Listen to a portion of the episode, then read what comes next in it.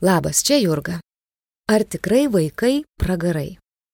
Kaip peštukai šeimoje gali virsti draugais visam gyvenimui? Radikalūs klausimai. Kaip ir požiūrį į vaikų auklėjimą pokyčiai pastaruoju metu. Ir tai mane labiausiai džiugina. Ypač kai prieš save matau augantį kitokį vaiką nei pati buvau vaikystėje. Laisvesnė, atviresnė tiek aplinkos iššūkiams, tiek savo jausmams.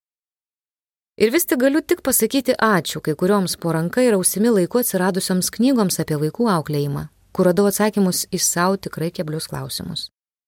Nes tiesiog būnant pirmą kartą mama, kartais prisikaupia per daug nežinomųjų. Atsimeni?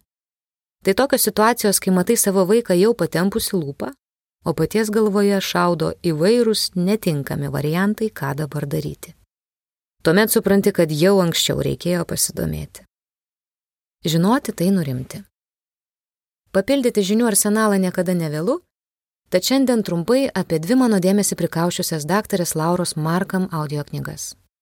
Ramus tėvai laimingi vaikai, kaip nustoti šaukti ant savo vaikų ir užmėgsti su jais ryšį. Ir ramus tėvai geri brolių ir seserų santykiai, kaip numalšinti kovas ir užauginti draugus visam gyvenimui. Tiesa, audio laiško gale Ras ir mano pačios auksinių taisyklių rinkinuką auginant sūnų Adą, kai kurios gerulės ir netikėtos. Kad monstriukas virstų sukalbamu vaiku. Pirmąją audio knyga autorė patvirtina vieną didžiausių mano pastarųjų poros metų atradimų. Problemos įma spręstis aplinkui savaime, kai tvarkaisi su požiūrio į jas savininku, pačiu savimi. Audio knygoje kantriai ir kruopščiai analizuojamos tėvų ir vaikų susierzinimo priežastys, ir neklusnaus elgesio motivacija. Naudingais patarimais galima būtų apsiklijuoti visus namus, o kai kurios išvalgos atriša nesupratimą ir patvirtina, kad nieko nebūna šiaip savo. Besidraskantis dėl negauto saldainio parduotuvėje Vilniukštis ar ramus mažas draugelis, išsipasakojantis savo jausmus. Pasirodo, vienam vaikui galimi abu variantai.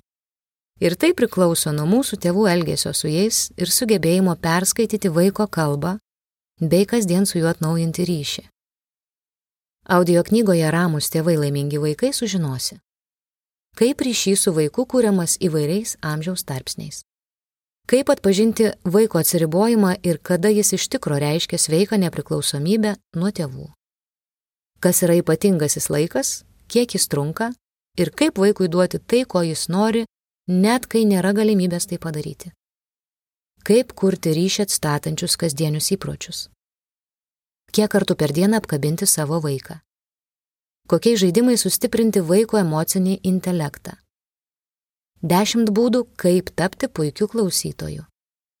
Ką reikia daryti, kad prieštaraujantis vaikas tave išgirstų ir kaip prakalbinti užsidariusi vaiką. Kas sieja kvatojimą ir verksmą ir kodėl juokas padeda vaikui atsiverti. Kodėl paauglystėje ir vėliau pasireiškia kūdikiškasis aš ir kaip į jį reaguoti. Paskutiniai trys audio knygos skyriai skirti patarimams, kaip lavinti, o ne kontroliuoti. Sužino, kaip išauginti laimingą, pareigingą, motivuotą vaiką, įgyvendinantį savo svajones. Ir peštukai tampa draugais visam gyvenimui. Pati užaugau keturių vaikų šeimoje, tad žinau, kaip kartai sudėtinga būna sutarti su broliais ir sesėmis. Tiesiog, kovodamas dėl savo vietos po saulė, tu mažiukas tikrai neturi kada rūpintis bendravimo psichologinė sveikata. Tai tėvų atsakomybė. O kaip kurti sveiką brolių ir seserų ryšį, išgirsi antrojoje daktarės Lauros Markam audio knygoje. Ramus tėvai, geri brolių ir seserų santykiai. Čia sužinosi, kas skatina lenktyniauti tavo vaikus, kaip sumažinti vaikų konkurenciją ir kaip ugdyti giminišką prieraišumą, kodėl šėlionės mažina konkuravimą ir kodėl nereikia kutenti. Ką autorė patarė, kai vaikai gyvena bendrame kambaryje.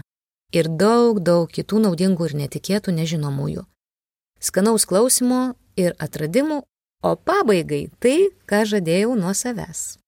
Auksinės Jurgos santykio su sunumi taisyklės. Pirma. Jei nelaiko nervai, abu išsirėkia mašinoje. Smagiausia dalis, kai jau susitari, skaičiuoji 3, 2, 1 ir kažkas iš turinčių rėkti jau kikena. Antra. Jei išaušo viskas blogai diena, abu žaidžiame žaidimą. Kiekvienam neigiamam dalykui, žmogui ar situacijai prisimename po dvi teigiamas savybės ar sąlygas. Trečia. Kalbėtis, kai gera. Kalbėtis, kai bloga. Jei kalba vienam nesiriša, kitas padeda paklausdamas ir duodamas laiko kitam atsakyti. Ketvirta. Palaikymas. Jo išaiškos formos gali būti pačios įvairiausios - prisilietimas ar apkabinimas, žiūrėjimas į akis, maldelė prieš miegą linkint, kad visiems sektųsi. Kartu leidžiamas tuščias ir pilnas laikas. Penkta. Abipusis žodžio laikymasis. Šešta. Galimybė rinktis. Eiti su draugu ar piešti ant batų. Kartu išlysti į miestą, prasipūsti galvas ar pakirksoti po vieną prie filmo. Paisomi abiejų norai. Netikėtai dažnai jie sutampa. Septinta. Pasitikėjimas. Mūsų šeimoje dažnesnis klausimas yra, kaip jautiesi.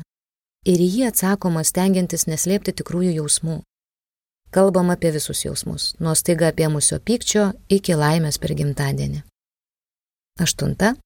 Pagarba. Kitas nėra aš ir savaip mato pasaulį. Galiu tik supažindinti jį su savo matymu ir nustepti išklausydama jo, kitokį. Čia jau man daugiau yra ką veikti. Mokausi priimti savo sunaus nuomonę kai kuriais klausimais ir jo neužgošti savo daugelio metų svorio prispausta teisybė. Devinta. Kai nežinau kaip elgtis, kreipiuosi į savo meilę vaikui ir klausausi nuojautos. Ir dešimta. Primenu savo, kad meilė nėra prisirišimas ir kontrolė. Greičiau tai telpa į šiltą klausimą, kaip tu ir pagalba vaikui kurianti savo unikalų gyvenimą. Tiek nemažai šiandien. Linkiu kantrybę su savimi ir kitu.